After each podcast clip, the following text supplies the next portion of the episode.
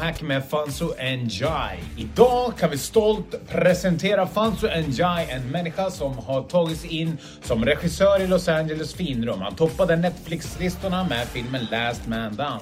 Hur kom han dit? Jo, det är nästa kapitel i det här avsnittet. Biohacking. Vi ska få reda på framgångskoncepten som kan ta dig till toppen av ditt jobb.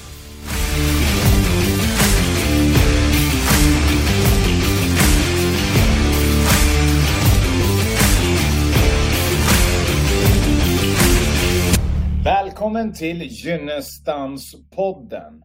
Idag har vi med oss regissören bakom dundersuccén Last Man Down. Och den här filmen, den toppade Netflix-listorna hela världen över. Och från början var det ett litet Göteborgsprojekt som kom att slå hela världen över. Fansu Njai, hur känns det när jag säger så? Ja, det känns magiskt eh, faktiskt. Ja. Så det känns att nu har, ja, nu har man lyckats att slå sig in i eh, långfilmsbranschen. Ja. Trodde du det här från början när ni började med projektet? Ja, alltså, jag målade alltid upp en bild eh, och ett mål. Eh, jag visste att, att det skulle bli en bra produkt. Sen mm. vilka listor jag skulle hamna på eh, och vilka topplistor visste jag inte. Men eh, jag var säker på min sak. Så jag var liksom aldrig osäker på produkten. Utan det var jag ja, supersäker. Liksom, och jag visste vad jag, vad jag kunde, vad jag hade skapat och vart eh, det här skulle leda till. Hur, hur kom det här projektet till? Det uppstod faktiskt under pandemin. Så det var egentligen eh, våren 2020 som jag och huvudrollen, vi satt och eh, pratade egentligen bara generellt om att göra ett projekt när vi var i pandemin och att göra någonting i den situationen istället för att bara sitta stilla. Mm. Så tänkte vi, vi såg en öppning, liksom, att okej, okay, eh, Sveriges gränser är öppna för att göra någonting. Eh, så att, ja, låt oss skapa ett projekt, ja, ett litet eh, projekt i Göteborg. Alla kan ta sig hit eh, och ehm, ja, vi gör någonting som är utanför vanliga normen helt enkelt. Mm. Så vi siktar in, siktar in oss på att göra en actionfilm med muskler, mycket coola repliker och ja, många dödsfall i filmen. ja, jo, det, det, nu ska inte jag spoila den här filmen. Så. Men du, om vi, om vi pratar lite så här, vem är människan bakom den här succén? Vem, vem är Fanzo Njai? En göteborgare som eh, haft film som passion i en eh, 25 år drygt och eh, lever för allt som har med film att göra egentligen. Mm, okay. Det är den, den kortfattade... Den kortfattade versionen. Men vi, vi kör en klassiker nu då. Lyssna på den här. Så om du fick beskriva dig själv med tre ord, kör. Yes, då skulle jag säga att eh, envis, eh, passionerad och eh, en person som aldrig egentligen ger upp. Eh, det är ju egentligen de tre, tror jag. Som, eh, Konceptet. Ja. Konceptet. Ja, men precis. Lite så. Ja. Absolut. Häftigt. Du, du pratade om, eh, du sa 25 år. När, när började du med film? Ja, jag började, jag började faktiskt i, i gymnasiet lite smått. Eh, och eftersom jag hade hört hela tiden att man var tvungen att ha någon rik farbror i släkten eller att ha kontakter och sånt där, så, så började jag väldigt försiktigt. Men eh, sen började det poppa upp ett fåtal regissörer i världen som gjorde långfilmer, och, eller filmer generellt, actionfilmer, utan att ha eh, ja, stora muskler bakom sig. Så att de inspirerar mig att ja, kan de så kan jag. Så att jag tog eh, ja, och startade, köpte en kamera, lärde mig hur man klippte eh, och jag är egentligen självlärd med allting som jag gör. Mm. Men vad, vad, var det som fick dig att börja just med film? Jag menar vissa drömmer om att bli advokat, om vi ska bli proffs, mm. ska bli det, hej och hå. Vad var det som liksom var attraktivt för dig med, med att göra film?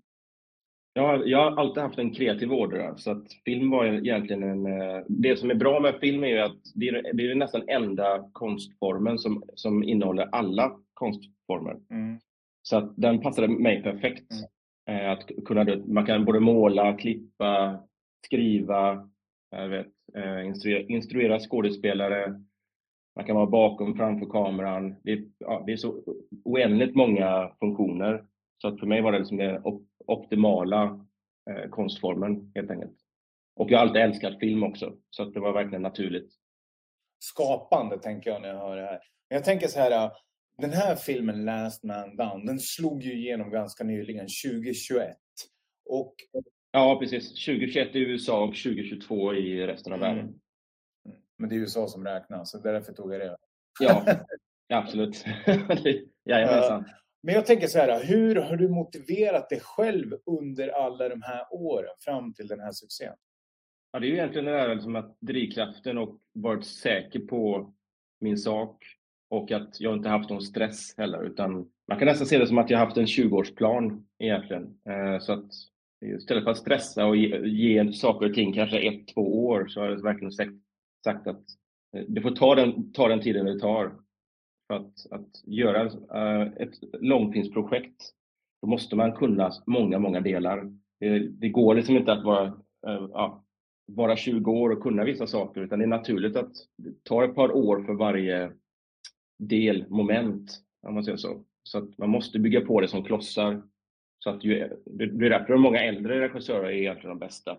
Att de har, då har de byggt på kunskaper, livserfarenhet och allt möjligt som man har i ryggsäcken. Mm. Så när jag gjorde det här projektet så hade jag allting packat och klart och jag, hade, ja, jag kunde många roller också så att jag visste att om något skiter sig, eh, om vi mister någon, ja, låt säga att fotografen mm.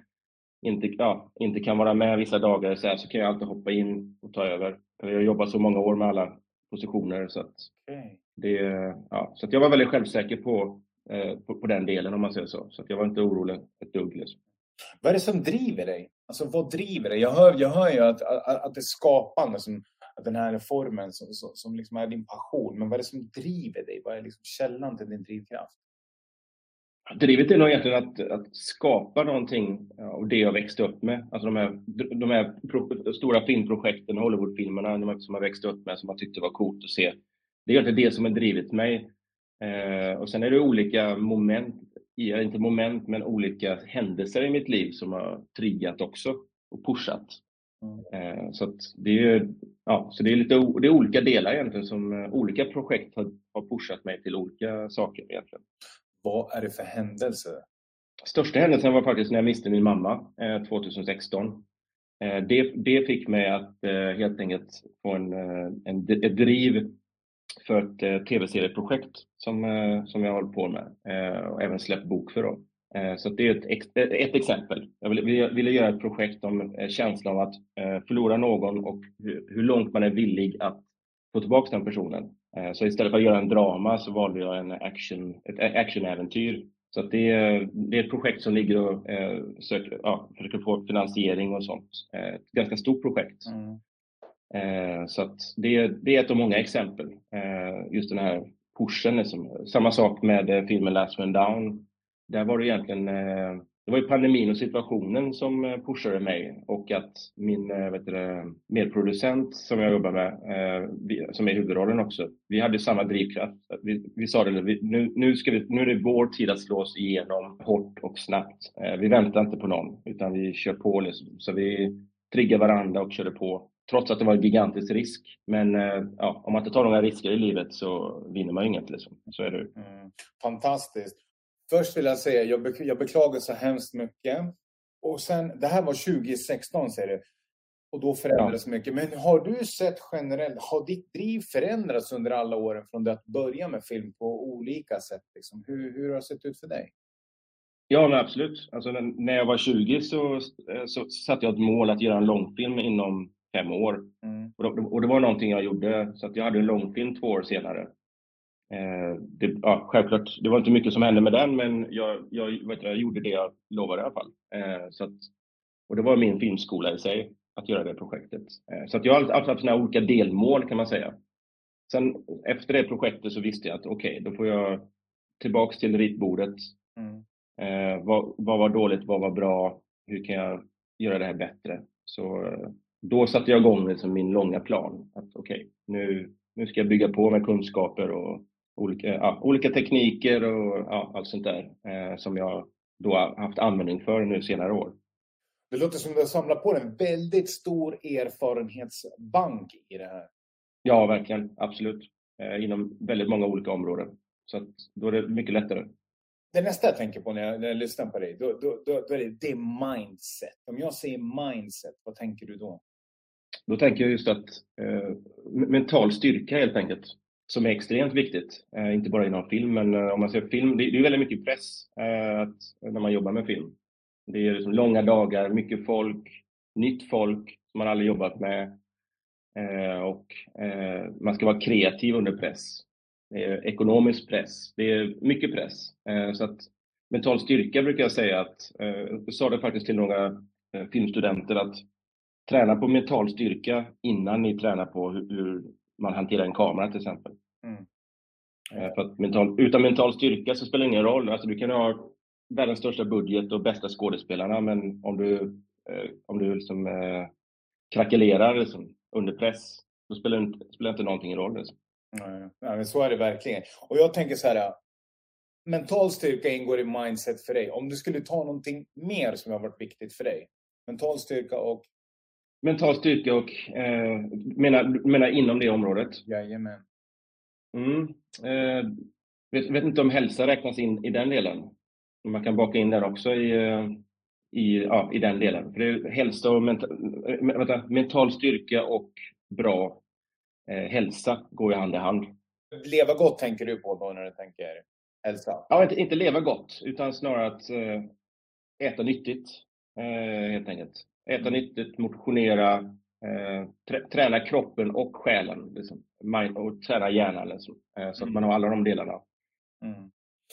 Jag tänker så här, nu när du har lyckats med det här, ser du några skillnader för dig när du har lyckats? Alltså i perspektiv, självförtroende måste få en fruktansvärt stor boost såklart. Människor runt omkring dig, liksom, hur, hur har ditt liv förändrats? Mm. Eh, det, största förändringen är faktiskt när jag kommunicerar med filmbolag. Att nu är dörren öppen. Innan var den alltid stängd. Eh, det var liksom, man fick aldrig möten och sånt där, men nu så vet du, tack vare topplistorna där eh, och allting och succén liksom, så är ju dörren upp. Den är på, den, ja, den är på glänt snarare då. Liksom men jag kan öppna dörren och det är ingen som säger typ, ja, gå ut, utan de säger varsågod, vad, vad blir nästa projekt? Hur kan vi jobba tillsammans? Så det, man blir inte ifrågasatt. Typ, klarar du av action? Klarar du av att göra en långfilm? Kan du hantera ett stort team? Eh, inga sådana frågor. För det var sådana saker som var moment 22 innan. Mm. Att för att få göra en långfilm så måste du ha gjort en långfilm. Så att det är så det fungerar i den världen. Ja, det låter ju jävligt lätt det där. För att göra en långfilm måste du ha gjort en långfilm. Ja, men det är verkligen så. så att det, och det, det, det, är egentligen det svåra då, eh, för många. Verkligen. Hur man tar det steget. Framförallt om man då är kvar i ett bekvämt system där man kanske man, ja, man har ett välbetalt jobb, man kanske jobbar med reklamfilm. Eh, vågar, vågar du då dra handbromsen och ta en chansning på en långfilm som ett vars eh, eller, ja, där projektet tar två år av ditt liv. Mm. Mm. Du, jag fastnar på en sak här. I podden pratar vi mycket om hälsa. Och du kommer också in på det här med hälsa, att man ska träna sin hälsa innan man ger sig an det här. Så vi kör därifrån. Vad skulle du säga är viktigt för dig eller har varit viktigt för dig under alla år? Äta nyttigt etc. Fortsätt därifrån. Mm. Nej, men absolut. Det är som att, att äta, äta nyttigt äh, och äta mat som, äh, som gynnar kroppen helt enkelt och, och hjärnan. Och, för att allting går hand i hand liksom, och immunförsvaret och som många vet att 80% av immun, immunförsvaret sitter i magen. Så att håller man allting i balans där att allting fungerar så funkar allt annat mycket lättare. Eh, så, att, så det anser jag är extremt viktigt och att man tar kosttillskott, eh, bra kvalitet av kosttillskott och så här. Så att den kombon, man, man kan inte få allting från kost eh, utan man måste, ha, man måste lägga till saker i dagens samhälle. Det var, det var helt annat för hundra år sedan liksom, med mindre gifter och så men i dagens samhälle måste man lägga till vissa saker för att kroppen ska fungera liksom, optimalt. Mm. Och jag, jag vet ju att att du lever väldigt sunt och det, det, det, det, det kan väl ingen ta miste på när man lyssnar på det här. Vi ska ta en kortare paus här nu och sen ska vi komma tillbaks och prata om biohacking. Så stay tuned!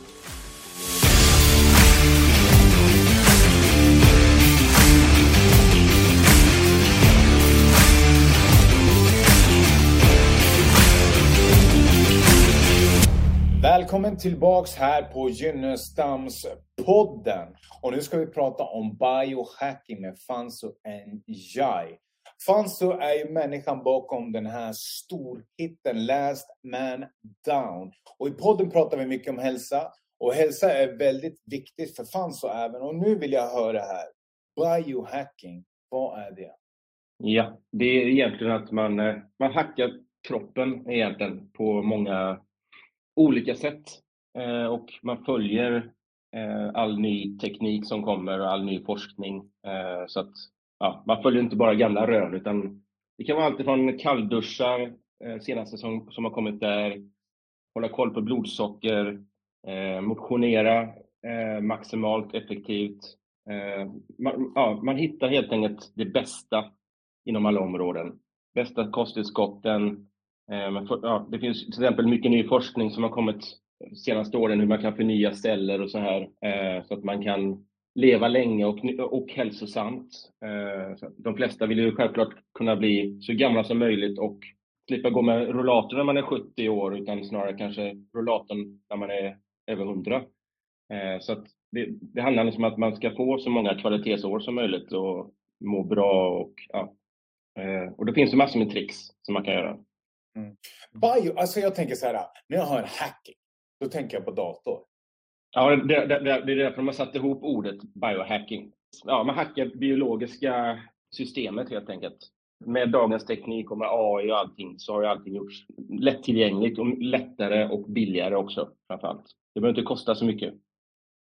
Ja, det är ju egentligen, kan man säga, om man, om man tänker som i kampsportsvärlden så skulle man kunna kalla det MMA i princip man plockar olika delar.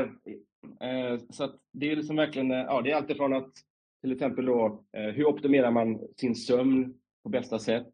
Till exempel, hur, hur kan man motionera, motionera varje dag utan att det tar för mycket tid? Här, till exempel att ja, långa promenader, man, man har ett skrivbord med, med ståplats, så att man står. Då förbränner man 60 kalorier i timmar ungefär mot att man sitter. Eh, och på en hel dag så har du förbränt en hel lunch. Alltså sådana här saker, att, så att man optimerar allting. Och det ska inte vara jobbigt utan det flödar på helt enkelt. Och att man till exempel man har tidsfönster eh, som är mindre istället för att äta typ 14 timmar om dagen. Eller det här klassiska som man hörde eh, i många år att man ska äta var tredje timme. Som, eh, ja, som verkligen kan diskuteras. Det är som att man kanske då äter under 8 timmar per dag istället. Samma mängd, samma mängd mat men på ett, ett mindre tidsfönster. Sådana här saker eh, som är väldigt viktigt. Liksom. Eh, och sen att till exempel då det här med eh, kallduschar, kallbad. Det har blivit väldigt populärt men, och, det, och det finns ju mycket forskning bakom det. Eh, det är väldigt bra. Eh, samma sak med andningsövningar. Eh, som man kan hämta väldigt mycket från yoga och kampsport och så här. Att, och där kan man också vara väldigt effektiv. Det finns effektiva sätt det gamla sättet var kanske att man körde andningsövning en timme, men det finns ju effektiva sätt som tar 10-15 minuter bara per dag. Eh, så att man kan syresätta kroppen och man kan, jag vet, det är bra för stress och allt möjligt. Ja, så är det ju. Alltså, eh, alltså det man vet om stress, om vi ska prata om stress till exempel, så är det att människor som blir stressade får en, liksom, en, en mental liksom, överreaktion, om man säger så, som hämmar den biologiska funktionen. Det vill säga att man stryper andningen. Att folk andas med bröstet. Mm. Det vet man ju, mm. till exempel. Där, där, finns det ungefär som det här med världens längsta halvmeter, från pannan ner till magen. Mm. Till exempel att man håller fingret nere på naveln ungefär och andas. Är det ungefär så du tänker om man inte ska gå in på yoga eller meditation? Ja, men absolut. Det som är bra med kallduschar är att du, du lär dig på automatik. Även om någon, någon inte lär dig hur man ska andas, mm. så, så lär du dig. Så att menar, om man inte är van med kallduschar eller kallbad, om man blir nedslängd i ett kallt bad, ja. så får många panik och så andas de med övre delen av bröstet. Ja. Men man lär sig efter ett tag till slut att vara lugn genom att andas med magen. Mm. Och den, den träningen eh, den gör ju egentligen att du lär dig framöver sen att i olika situationer att andas, andas med magen, för att du tränar på det. Mm per automatik. Mm. Så det, det är sådana här små saker. Eh, och det bästa med duschar är liksom att alla har en dusch hemma. Alla kan få kallt vatten. Mm. Eh, och av de studierna som finns så är det, som det optimala är att, att man siktar på två minuter. Eh, man börjar inte med två minuter, men två minuter. Så jag, jag, jag, kör till och med, jag har en duschklocka, så att jag kör två minuter per dag Mm. Eller per tillfälle måste jag säga. Så att morgonen, typ efter träning mm. eh, och så vidare. Så att, och det är väldigt bra att kyla ner kroppen och kroppen är ju så, framförallt på morgonen är ju kroppen varm som en kabin. Mm. Så att, och kyla ner kroppen är alltid bra för det, det handlar också om inflammationer i kroppen och sånt där som man kan reducera. Mm. Okej, okay, det, det, reducerar inflammationer i kroppen. Vad med? För det här, det här brinner du för. Det här, det här, det här. Ja men verkligen alltså, för det, för, det, det är just det som, det som, det som eh, det, det, kan man egentligen backa bandet också. Det som triggar mig till att börja med just så, här, ja, så kallat biohacking. Man kan ju kalla det många saker, men det, var just när, när jag förlorade min mamma i cancer så, så, så frågade läkarna liksom så här, eh, kan man göra någonting i framtiden för det här? Bara, nej, utan det, det, händer, det händer alla liksom, mer eller mindre. Mm. Det är bara att test, testa sig någon gång och sen får man gilla, gilla läget. Eh, men jag är en sån person att jag eh, accepterar liksom inte så enkelt svar. Så det var då jag började att göra egen forskning på egen hand. Och då började, du, i samma veva, det var egentligen typ, ja, några år senare, så började det komma både nya tekniker och kosttillskott där, där forskarna började hitta mer och mer, framförallt när de gjorde tester på råttor och sånt där, mm. Eh, där de såg att eh, ett skydd för eh, vet du, ja, cancerceller, hur man kan reducera cancerceller och tumörer och så vidare. Eh, och den forskningen har gått extremt fort och långt de senaste två åren bara, två, tre åren. Så där, där, där är, det är exempel på det som biohacking, att det har hänt jättemycket de senaste åren. Mm. Så att, och det är någonting jag har följt hela tiden. Mm. Eh, och det, istället för att sitta och vänta på tio år för ett läkemedel att bli godkänt, för att det har testats på 100 000 personer, så får man liksom hoppa, hoppa in i elden ibland. Och det kanske har testats på ett fåtal personer, men resultaten har varit extremt bra.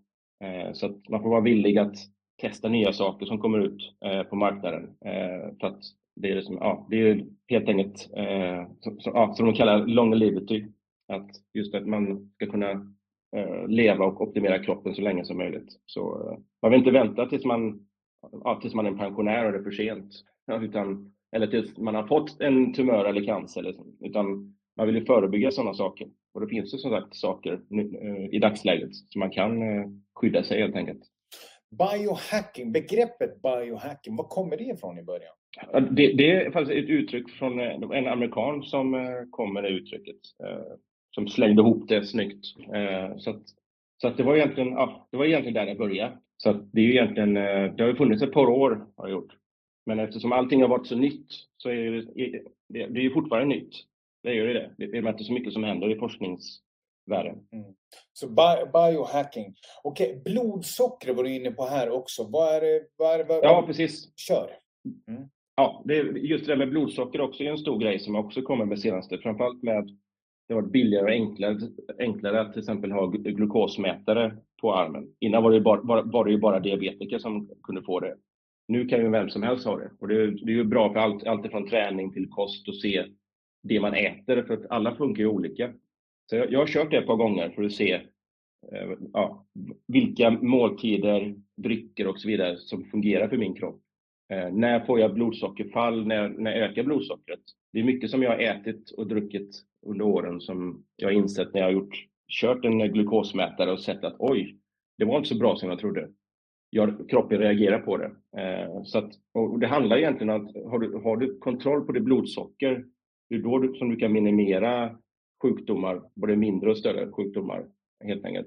Så att man, för, att, för exempel skulle man äta junkfood problemet med mycket junkfood är ju som att alltifrån att det är transfetter till att blodsockret är här uppe. Liksom. Mm. Det är så högt som möjligt eh, nonstop. Och det är klart att då, då, då skapas inflammationer i kroppen och då är du ju sjuk ofta. Mm. Så är det ju. Och, och, inte bara fysiskt sjuk utan det kan ju vara allt från depressioner och nedstämdhet och allting är ju kopplat till kosten liksom, på det sättet. Så det är väldigt viktigt att ha koll på blodsockret och finns det enkla knep som att till exempel eh, två personer kan äta samma mat, men den ena kanske äter då eh, glass först, sen käkar de en sallad, eh, medan den andra personen eh, käkar liksom kanske då sallad först och sen eh, glass som är kolhydrater. Eh, då dämpar salladen, till exempel i det här fallet, då, blodsockret. Du får ju fortfarande en ökning av blodsockret av, av glassen, men äter du fibrer och alltså äter du en sallad sån för, förrätt helt enkelt innan huvudrätten. Eh, sådana här små tricks. En sallad med vinäger till exempel, så ska du dämpa blodsockret. Ja. Eh, typ. Vi hade ett avsnitt här, hälsa, ohälsa och dödligt skjutvåld. Då pratade vi med kostexperten Anders Hedlund och han kommer in på det här med att det är jätteviktigt på morgonen att få i sig någonting inom en halvtimme till en timme. Hur ser du på det? Ja, det, ja, det finns ju lite olika. Det, det hänger också, tror jag, eller anser jag, liksom att om man tränar eller inte på morgonen. Mm. Tränar du på morgonen så behöver du någonting efter träningen, men om du inte tränar på morgonen så skulle jag nog säga att man ska vila eh, ett, par, eh, ett par timmar, beroende på när man åt dagen innan. Okay. Också. För, för att, det är därför det är väldigt populärt med den här 16-8, så att du fastar 16 timmar och äter 8 timmar. Mm. Sen kan man ju reglera den. Så det är klart att om du äter på morgonen så kan du, eh, om du äter klockan 8 på morgonen så får du i så fall då sluta klockan 4. Mm. Men då är det, det är ganska, det är, jag tycker personligen det är svårare att lägga sig hungrig oh. än att pressa sig på morgonen. Så jag pressar mig, ja, så jag pressar mig hellre på morgonen eh, faktiskt. Jag ser det mer som att första måltiden ska ju då vara, ska ju ha mycket protein eh, och fett och sen minimalt med kolhydrater eh, första måltiden. Eh, det anser jag då, eh, av det jag, det jag studerat och läst. För att kroppen, är med, kroppen suger åt sig alla kolhydraterna eh, på morgonen. Så att om du bombar kroppen med kolhydrater då så, blir, så får du ju, jag vet inte, så ökar ju blodsockret direkt, sticker iväg. Det är därför många till exempel som äter, bara äter en gröt, alltså gröt med eh, mjölk till exempel på morgonen och en banan och tänker att ja, det, är, det är nyttigt. Men de blir ofta hungriga efter två timmar på grund av att blodsockret sticker upp och sen sjunker det och då kommer hungern. Eh, så att, därför är det viktigt att tillsätta fett och proteiner eh, så att, som dämpar kolhydraterna. Men vad skulle du säga här? Nu, nu, nu kan ju du mycket, nu kan du mycket om hälsa. Liksom. Om, för, för en vanlig lyssnare här nu, när man säger protein och fett. Till exempel, ge något exempel, konkret exempel på vad det kan vara frukost. Nej, men det, det kan vara alltså typ, eh, ja, om man ska överdriva, nej, men så här, ägg och bacon eh, snarare, snarare kanske än att man kör, vad heter det, ja, banan och, och gröt. Okay. Alltså att man, man, att man tänker snarare liksom att fett och proteiner på morgonen tillsammans med, fib med fibrer. Då. Mm. För de, de flesta får i sig för mycket kolhydrater ofta. Mm. Så ska man äta gröt, då får man kanske du vet, lägga till det kanske du vet, här, mandelsmör, kokt ägg, så att man, man får fler saker. Eh, så att man inte bara, så att inte kolhydraterna är den största delen. Ja, jag, jag förstår. Balansen där. Procentuell balans. Första måltiden enbart fett och protein, eller? Ja, absolut. Alltså, jag kan tala för mig själv, så jag, jag, kan inte ge, ge någon rekommendation, utan jag kan bara säga så som jag ja. äter. Liksom, att det är, då är det fokus på eh, vet det, på fett och protein och fibrer på morgonen. Mm. Så att, och så spar, jag, jag käkar hellre kolhydrater i så fall senare på dagen eller efter träning. För att ofta kan man ersätta många kolhydrater med fett. Mm. Många tänker inte på att man, man, får, man får ju faktiskt energi av fett. Stämmer. Så, så jag, jag, jag kör ju MCT-olja, eh, kok, kokosfett, eh, den, den som heter MCT-C8. Den, den kör jag. Eh, till exempel innan träning kan jag köra en matsked eller två innan träning. Eller, eh, på, som frukost många gånger eh, så kör jag eh, det som kallas skip breakfast. Bulletproof coffee finns något som, ett koncept som heter att man kör smör, MCT-olja och kaffe i en blender. Så blir det som en god latte. Du, det där, eh, och det där ska jag köra. Det, testa det. Ja. det, som är intressant, det som är intressant med det, det vet du, för, jag har alltid varit en frukostmänniska och så skulle jag börja testa det här 16-8, 16 timmar fasta. Och jag hade jättesvårt för det, för jag var min mage kurrar på morgonen. Men så, så, läste jag om det här med att en bulletproof coffee, alltså att äh, fett och koffein, det bryter inte fastan. Och det gör att då, då, då, kan man hålla sig de timmarna som man annars har varit hungrig. Okej, okay. okej. Okay. Ja, det, och att man får energi också. Mm. Så det är ett sätt för de som inte klarar av att kanske hålla sig till lunch. Eh, ta en bulletproof coffee på morgonen så kommer ni hålla er 4-5 timmar och sen äter ni. Ja, det där låter fantastiskt. Det där. Jag älskar kaffe på morgonen. Jag kan säga så här. Jag kan skippa allting, bara jag får i mig min kaffe på morgonen. Alltså, kaffe och vatten, så det älskas. Det där ska jag definitivt göra. Jag fastnade på en till sak. Det var kallduschar, det var blodsocker och förnyade celler. Kör därifrån. Ja, ja precis. Eller typ, för ja, ska man säga, det finns ju många sätt, många kosttillskott som gör att man kan föryngra cellerna eh, i princip eh, och bromsa åldrandet helt enkelt. Det finns kosttillskott som, eh, som, som heter dels NR och NMN. Det, det, det är helt enkelt på cellnivå då. Eh, så det gör att man, brom, man bromsar åldrandet genom cellenergi och så vidare. Så det, det, är något som, är, som har kommit de senaste åren. Priset har gått ner, innan var det extremt dyrt.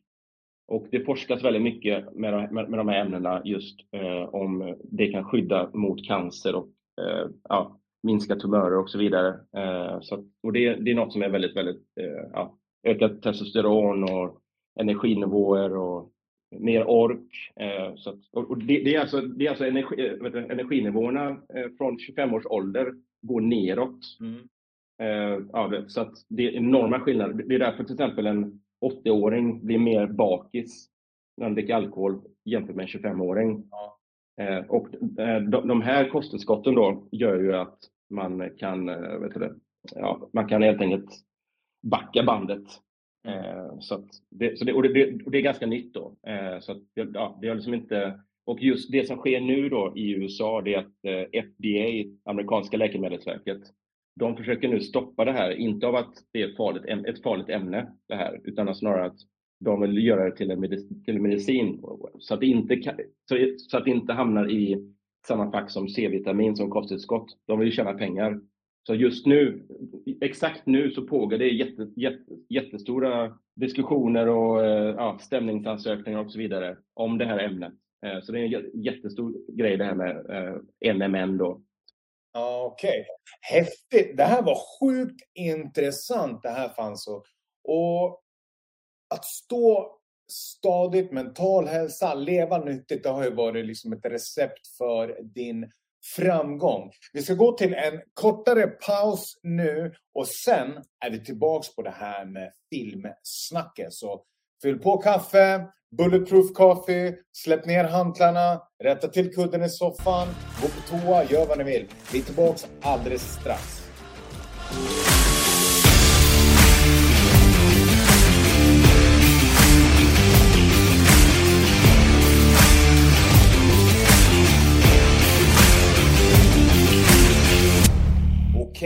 Okej, okay, Njai. Tillbaks till filmsnacket nu. Nu har du gjort din första succé. Och hur, hur går det här till från början för oss som inte gör filmer här ute? Alltså, gör man filmen först? Finansiering? Hur går det till? Ja, eh, i vanliga fall så söker man, i Sverige då, i alla fall om man utgår från Sverige, så söker man ofta statligt stöd för att göra en film. Eh, att man hittar olika finansiärer, privata finansiärer, investerare och så vidare. Eh, det är en lång process ofta. Eh, låt säga att du får ett nej efter att du har ansökt i fyra fem månader. Då fallerar ju det här projektet och så läggs det på hyllan. Och så har du förlorat de månaderna och så har du väntat och planerat. Utan det var någonting vi inte ville göra, utan vi körde bara all in Eh, vi eh, tog en jättechansning. Vi gjorde det som alla filmskolor säger till sina elever inte ska göra, att man ska göra. Det är att man lägger in egna pengar eh, och ja, du vet, eh, så att man tar banklån och kreditkort och lån från vänner och polare så här, du vet, och allt möjligt. Så det var det vi gjorde egentligen, jag och han som är huvudroll då. Vi producerade den tillsammans. Vi hittade pengar från folk vi känner Eh, och så körde vi bara. Vi visste det som att vi kan inte sitta och vänta på andra. Och det, det är ju det som är, kallas att vara oberoende inom film. Eh, och det var därför det gick så snabbt från ax till limpa. Mm. Verkligen. Från att, vi, från att vi kom på idén till att vi hade sålt filmen. Eh, det tog drygt ett år. Ett år? Okej. Okay. Ja, från ax till limpa. Ja. Eh, och det är extremt snabbt. Alltså det, är, det, det händer nästan aldrig. Eh, för att, du vet, det är, du vet, ansökningarna tar enormt mycket tid och det ska hittas och det ska funderas. Ja. Och det sitter kommittéer och bla bla bla. Och så får man kanske nej eller får man, får man ja. Så är det en process att få pengarna.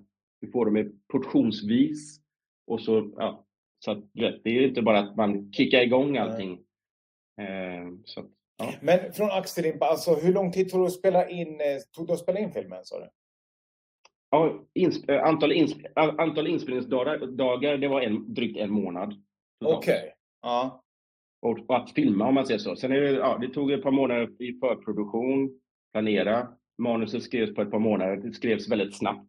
För att vi baserar hela historien på pandemin. Eh, tänk om pandemin ballar ur. Mm. Det var lite vårt koncept. Mm. Eh, så att vi, ja, det var ju det var inte så att vi försökte göra en Oscarsvinnande, koncept. Utan bara basic story, eh, 80-tals action eh, och så körde vi helt enkelt. Och vi satte datum för att vi inte skulle, skulle kunna ändra på det utan vi, vi sa det som ja, vi, vi kör bara som ett tåg liksom. Mm. Eh, typ att vinna eller, vinna eller försvinna eh, konceptet. Mm. Helt enkelt. Det, var en gigantisk risk men om man aldrig chansar så vinner man aldrig. När jag lyssnar på dig, då tänker jag också vilken risk alltså. alltså investera så okej, okay, jag investerar hela min tid, hela mitt liv. Jag tar lån av vänner, jag tar sms-lån, jag gör allting. Jag menar, om inte det hade funkat, men nu ska man inte tänka om inte, då hade inte den här filmen kommit till. Nej, exakt precis. För att mitt mindset har ju alltid varit, jag, jag lever ju utifrån det. Som att mitt, jag, vet du, jag har en livsfilosofi att börjar man, eh, lever man i dåtiden, det är då man är deprimerad. Lever du i framtiden så är du stressad, men lever du i nuet, det är då du är i optimala mindsetet. Mm. Och mitt mindset är alltid att leva i nuet, men att hela tiden ha lärt mig av, av dåtiden. Liksom. Mm. Och, in, och blicka framåt, ha, ha mål, men inte, inte befinna mig i framtiden. Mm. Och det var det som gjorde att inte jag eh, var stressad över Typ att, ja, tänk om det här fallerar, typ så här och shit, nu måste jag typ äh, åka, till en, åka till en oljerigg och jobba i tio år och jobba av skulder eller så här. Rätt. Utan jag, jag, rätt, jag gjorde det bästa möjliga av situationen här och nu. Liksom. Eh, så att det, det, var det absolut viktiga. Och det var en utmaning, absolut. Det var ju svettigt. Det var ju riktigt tufft. Eh, inte att göra filmen, men att den här ekonomiska pressen varje dag. Vet att, för att problem, problemet med film är att eh, man lägger mycket pengar och om man, om man misslyckas med produkten, eh, låt säga att om allting hade fallerat, eller typ att där vi filmade hade brunnit upp, eh, eller att skådespelarna hade liksom varit med om en olycka eller så efter halva filmen. Man kan inte sälja en halv film. Det är det som är problemet. Då hade jag suttit med alla skulderna och en halv produkt som jag inte kan sälja vidare. Eh, Medan om du, låt säga att du köper en lägenhet och gör ett dåligt köp, du kan fortfarande sälja lägenheten. Mm. Och ha lite, ja, vet, du, där går inte, kanske inte med vinst, men du kan sälja, du har, någon, du har något konkret. Men här, vet, det, vet, en halvfilm, det är ingen som, de bara, men vadå, vi köper inte en halvfilm. Nej, det gör man. Man kollar på en halvfilm och går hem heller, då ska de vara riktigt dåliga i och för sig. ja, nej, men precis. Så, så det, det, det, är ju, det är ju verkligen en, ja, det är en stor risk, men det är klart att det, det var det som krävdes för att slå sig in också. Eh, så är det ju. Du, hur många är det som är med i den här filmen? Mm, alltså, om, om, om man räknar, ja, om man räknar med både bakom kameran, framför kameran, eh, alla som var med i efterproduktion med ljud och musik och allt det där, så, och investerare och sånt där, så var, var det runt en hundra pers. 100 personer? Ja, ungefär. Ja. Och, och, på film, på, alltså i, vad heter det, på själva filmset så var vi en 40-50 pers. Eh, helt enkelt. Så det var ju som att flytta en armé. Det är ju inte bara att man ska liksom styra och ställa hela, hela karusellen, hela armén flytta, utan du ska vara kreativ också samtidigt. Mm. Och, och låt säga att om du inte har till exempel, eh, ja, om du ligger eh, efter två timmar i schemat, så det är inte bara som att, ja, men då jobbar vi lite hårdare, utan då får man ju tänka om, okej, okay, nu måste vi ta bort en scen. Men tar du bort en scen så kan du påverka filmen negativt. Då kanske man inte fattar allt i storyn om du tar bort en hel scen. Så det är sådana här saker som är till skillnad mot andra företagsformer. Mm. gör att det, det, blir en annan utmaning. Mm. Jag tänker så här, jag lyssnar på dig. Du är otroligt kreativ människa, givetvis. Och sen så hade du ungefär en månad med fasta inspelningsdagar. Det är väldigt viktigt att vi håller de här inspelningsdagarna. Vad hade hänt om till exempel en skådespelare inte hade hållit den dagen? Att de bara, vet du vad, jag vill inte vara med längre nu. Ja, nej, men jag vet, absolut, sånt kan ju hända. Eh, det var, det, var, det var ju vissa dagar som vi inte hann allt vi skulle. Så att det, det finns ju scener som vi aldrig eh, lyckades filma, mm. eh, som jag vet hade gjort filmen ännu bättre. Men det fanns verkligen tid eller pengar att eh, filma det. Eh, jag är glad att, att, sagt, att alla skådespelare och allting följde ju schemat, absolut. Det var mest vet du, den totala tiden som inte räckte till många gånger som eh, gjorde att, ja, som sagt, att allting krympte. Mm. Så att det, det, finns ju ett par favoritscener som jag tyvärr inte lyckades filma. Men eh, ja, Det, det, det är det hårda livet. Kommer du att filma dem någon gång? Nej, det kommer jag inte. Utan det, man, man, får gå vidare helt enkelt. Mm. Eh, det, det, det, är så det fungerar. Okej, okay, okej. Okay. från början så sa vi att det här var ett litet Göteborgsprojekt. Utspelar sig den här filmen i Göteborg? Ja, eller, eller inte utspelas. Vi, vi, filmar i Göteborg, men eh, den utspelas någonstans i Skandinavien mm. i, i pandemins spår. Eh, men vi filmade i Göteborg och eh, utanför Göteborg i Borås. Då. Mm. Okej. Okay. Du har ju pratat lite om han du var inne på att du har en medproducent. Hur, hur fungerar det? Mm. Eh, vi, eh, det är han som är huvudroll också. Mm. Så att vi, vi styrde hela skeppet tillsammans helt enkelt. Eh, och sen när vi väl, så att bakom kulisserna så, var det vi som var de som drog alla trådar och tog alla avgöranden och sånt där. Medan på inspelningsplats så var han skådespelare och jag var regissör. Mm. Helt enkelt. Okay. Så det var de funktionerna vi hade. Men vad är skillnaden mellan en producent och en regissör? Mm. Alltså, producenterna är ju egentligen de som, kan man säga det, som, som har ett övergrip, övergripande ansvar och hand om ekonomi och allt det där. Medan regissör är ju egentligen den som instru, instruerar skådespelarna, tar kreativa beslut på inspelningsplats, eh, som, ja, som eh, har koll på teamen och allt det där. Så att, så att, ja, så att producentrollen är mer ekonom, eh, ekonomiska, lite som eh, ekonomichef på ett företag. Okay. Och regissören är lite mera, ja, kanske då VDn, eh, VDn slash marknadschef. Skulle jag säga. Jag tycker det var bra beskrivningar. Jag känner mig ännu mer korkad efter att ha ställt den här frågan. Men, ja, men det är många som inte vet. Ja, jag vet, jag vet. Vilken roll trivs du bäst i då? För nu har ju du varit inblandad i båda. Ja, jag har ju haft fler roller också. Jag kan tillägga att jag även var klippare då, redigerare. Så jag klippte filmen eh, också. Eh, tog ungefär två månader. Eh, så att, eh, vet du, mina, mina favoritroller eh, är faktiskt regi och klippning. Klippning är väldigt nice, för då sitter jag i lugn och ro själv hemma, typ, lyssnar på musik, klipper, eh, laborerar. Det är som ett stort pussel. Eh, och det, det, är en väldigt skön, eh, skön grej att göra, liksom, att man sitter där liksom, eh, och man, man, kan ändra om hur man vill och till exempel typ att ja, men eh, det, typ, slutet kanske man lägger i början istället. Och då, då, då, är det jag som sitter och drar och testar. Och där. Det är en väldigt kul process att testa med olika ljudeffekter, olika musikstilar, se vad som funkar. Eh, och med långfilm så får man ju verkligen, då måste man vara bra på att kunna se som publiken har ett öga utifrån och se. Så man inte bara fastnar i att klippa filmen som man har tänkt sig från början, utan tänka, tänka om, tänka outside the box. Så det är något. Och det, det, är faktiskt någonting jag har gjort i så många, många år. Jag, eh, nästan ett av de första grejerna jag började med var just klippning. För det, det enda du behöver är en dator.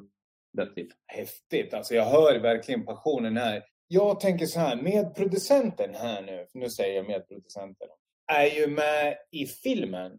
Får vi se dig Fansun Jai i någon film framöver? Ja, nästa Star Wars så har jag huvudroll. Nej men eh, skämt åsido så, så vet du, håller jag mig bakom kameran. Ja. Det blir ingen pansarnjaj på någon, på någon film här alltså?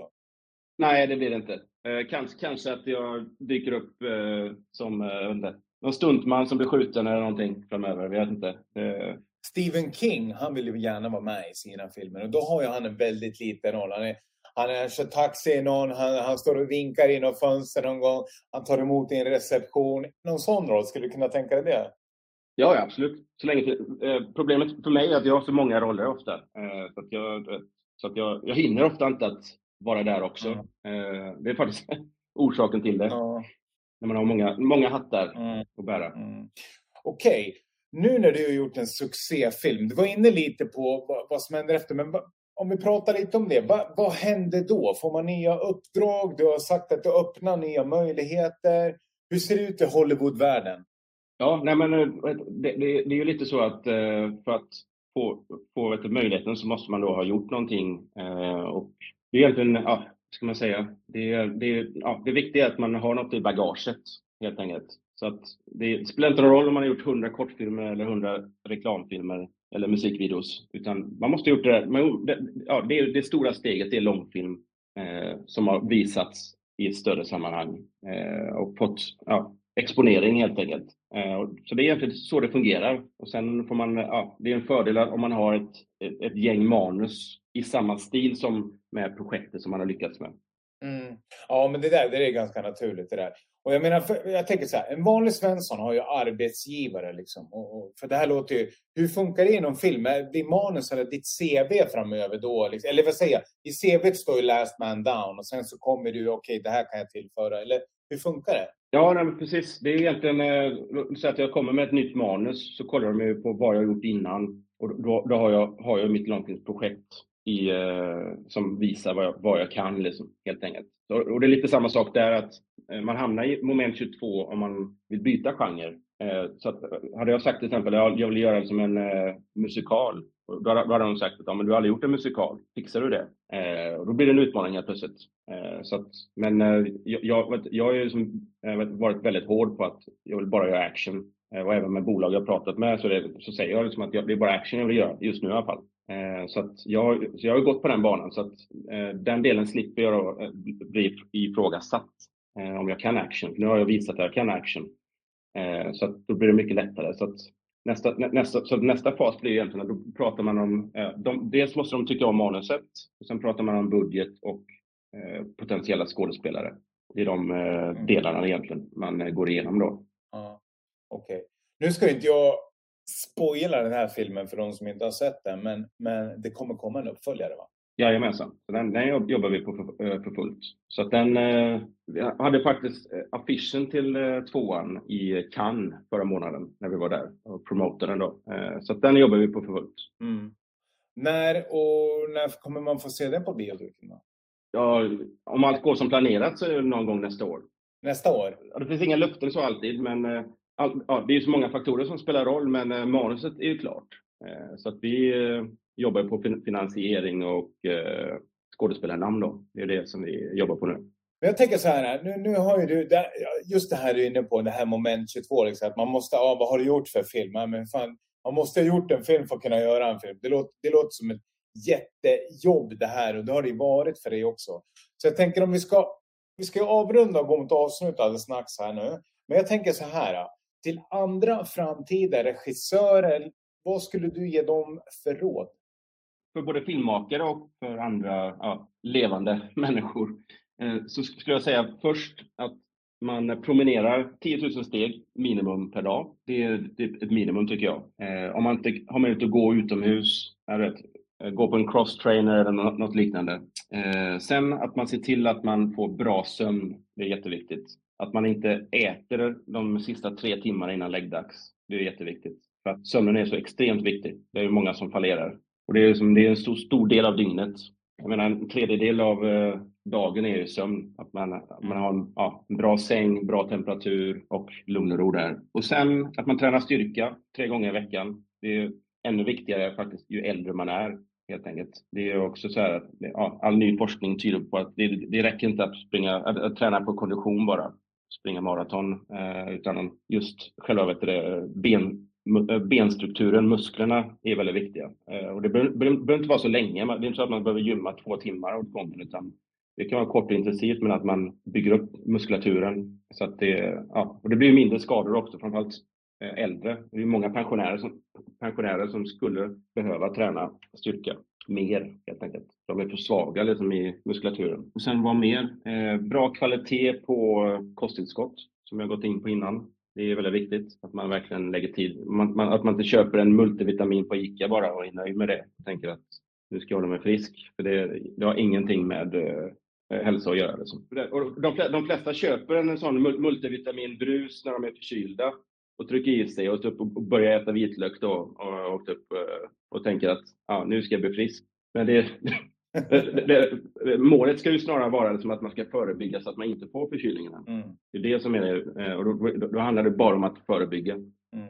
sådana saker. Då. Eh, och sen också samma sak med att ja, äta mycket grönsaker är jätteviktigt. Och man, det måste inte vara färska grönsaker, det kan vara frysta grönsaker, det kan vara torkade grönsaker, broccolipulver, allt möjligt sånt där eh, som man kan fördela under dagen mm. som också är viktigt. Eh, så att det, ja, det är mängden helt enkelt, många bäckar små som är viktigt. Mm. Eh, och sen som jag varit inne på också, att man ser till att man har ett eh, skrivbord, ett stående skrivbord. sådana små saker. Eh, och så är det bara att skaffa en, en ståmatta. Jag, jag, jag, står ju hela dagarna, liksom 8-10 timmar om dagen och jobbar. Och det är många som säger ja men det är inte bra för knäna, men de enda som säger det är de som, som aldrig står. Så är det ju. Det är, det är en sån klassisk grej. Liksom, som, det är lika roligt varenda gång. Liksom. Jag har inga problem med mina knän, men du, det är för att knäna är starka. Och vet du, även svanken blir stark också. Så, här, så att allting trycks ihop så att man lär sig. Liksom. Och man märker det också till exempel när jag, när jag, vet du, när jag filmade så stod jag väldigt mycket. Jag satt ju aldrig. Mm. Men jag blev aldrig trött. Jag var så van, jag är så van att stå åtta timmar om dagen, liksom. minst. Liksom. Så att i all, alla sammanhang, eller typ du står i kö, du blir aldrig trött. För att du är så van. Liksom. De flesta blir trötta efter tio minuter. Liksom. Mm. Så det, det är sådana, eh, sådana små saker. Du, du har förbränning hela tiden. Mm. Och eh, ja, klassiska också att man undvika socker helt enkelt. Det, är, ja, det känner alla till. Eh, men att det finns ju kolhydrater i mycket som folk anses, du, anses vara nyttiga också. Mm. Spannmål och sånt där är mycket kolhydrater som folk inte tänker på. Men de tänker att ja, det, är, det, är liksom, det, är, det är spannmål, det är nyttigt. Att man tänker på det. Mm. Att man måste re reducera kolhydrater totalt. Mm. För det finns kolhydrater i allt mm. nu för tiden. Mm. Så är det ju. Mm. Och sen, eh, vet du, ja, så är man inne på att man tar sina kallduschar. Viktigast på morgonen, när kroppen är så varm som möjligt. Kyla ner den helt enkelt. Som att, ja, det är som en, en varm stekpanna. kyl, kyl ner den helt enkelt. Innan man tvättar bra start. Ja, precis. Det är, det är, en bra start på dagen också, att ja. kyla ner kroppen. Ja. Det är jätteviktigt, för alla har en dusch. Så att, det finns inga ursäkter heller, för att det tar ju bara max två minuter. Mm. Eh, och man, man gör det i slutet av sin dusch. Så att först duschar man varmt för att öppna porerna och sen sluter man porerna. Precis som när man rakar sig som man. Att mm. Du rakar med varmvatten och sen tar du kallvatten för att stänga porerna. Och det är precis samma sak mm. över kroppen.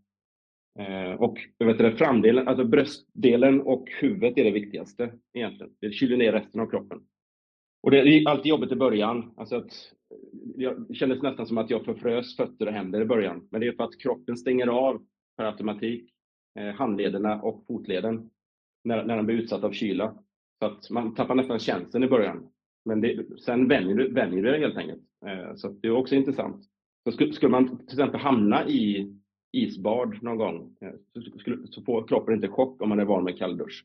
Eh, så ja, det var en punkt där och sen eh, även andning då som vi var inne på. Att det är viktigt att man kör. Wim Hof kör jag så att hans teknik är väldigt effektiv. Eh, så den, den tar max 15 minuter. Eh, så att man behöver, inte köra så länge och man kan, man kan även köra kortare sessioner. Så att eh, den kör på morgonen och ibland kör den även på kvällen också. Vad är det för teknik? Ja, det, det är att man, man andas ut och in 30 gånger. Mm. Så att djupa andetag och sen andas, andas du ut. och Eh, efter 30 gånger så håller du andan så länge du kan. Du andas ut, håller andan mm.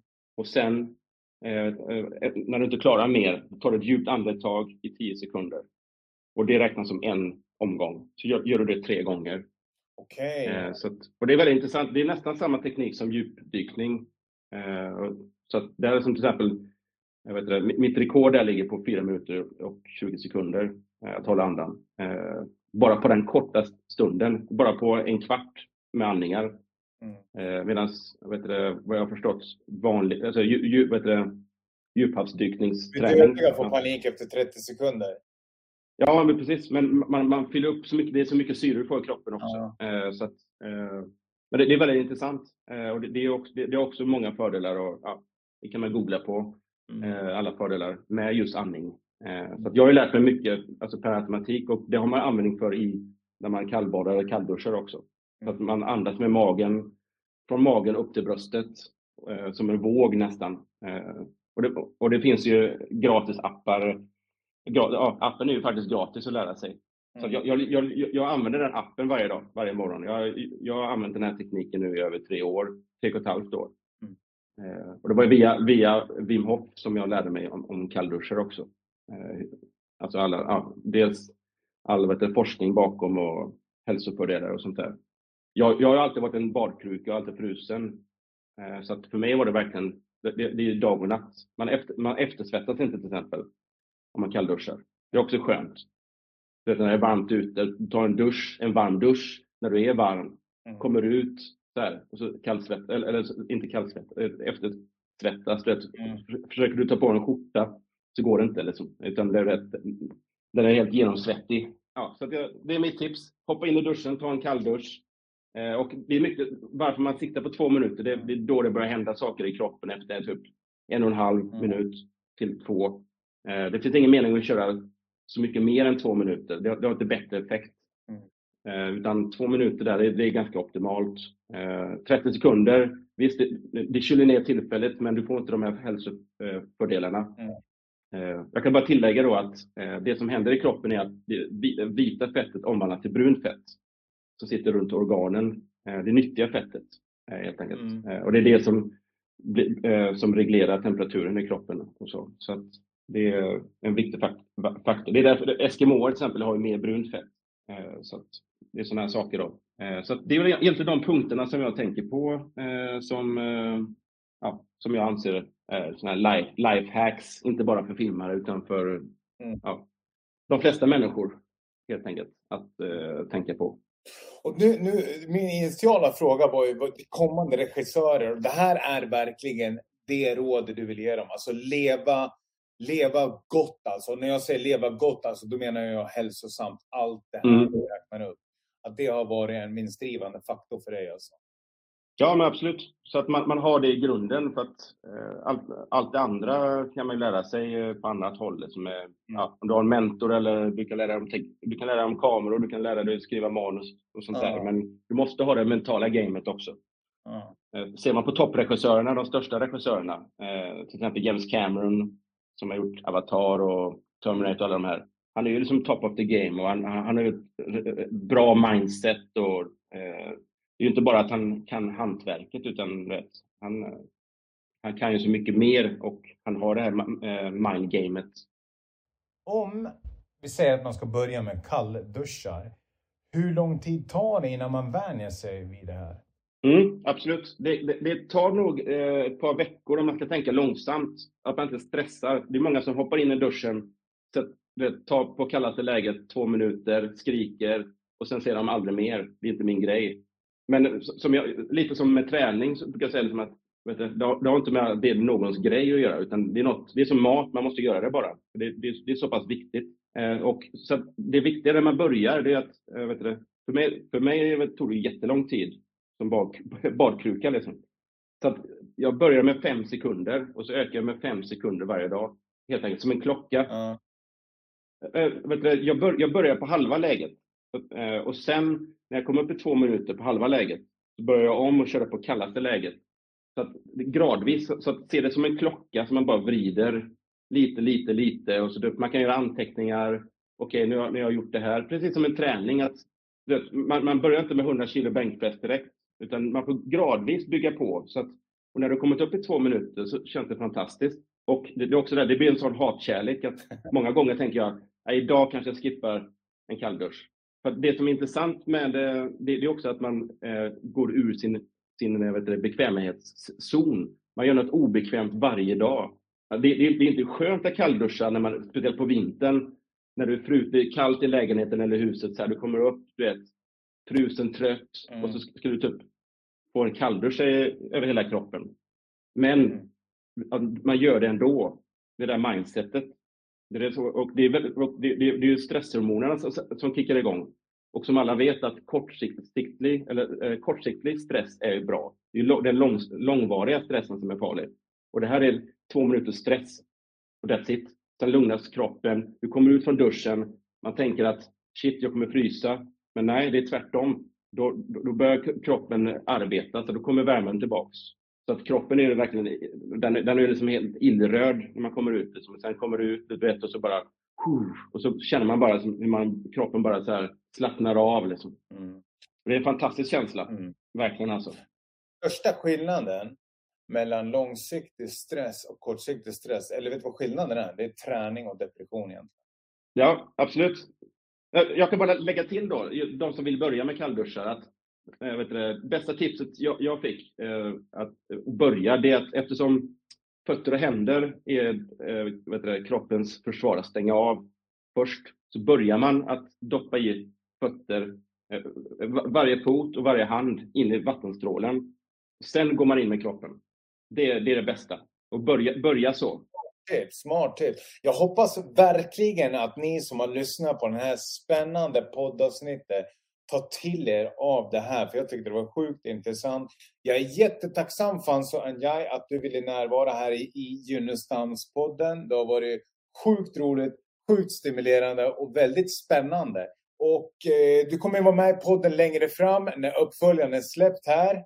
Hoppas jag så... Absolut, tack så mycket. Ja, men jag, fantastiskt kul att vara med verkligen alltså. Det är många frågor som jag har fått som jag inte tänkt på kanske. Som, det, det går ju per automatik för mig. Mm. Det är väldigt kul att berätta om dem också. Mm. Eh, det är väldigt intressant. Eh, så att, ja. ja. Stort tack! Jajamän, och med det så säger vi stay tuned. Gå in, gilla, dela, prenumerera för att inte missa våra sjukt bra avsnitt. Och ha det gött, hej!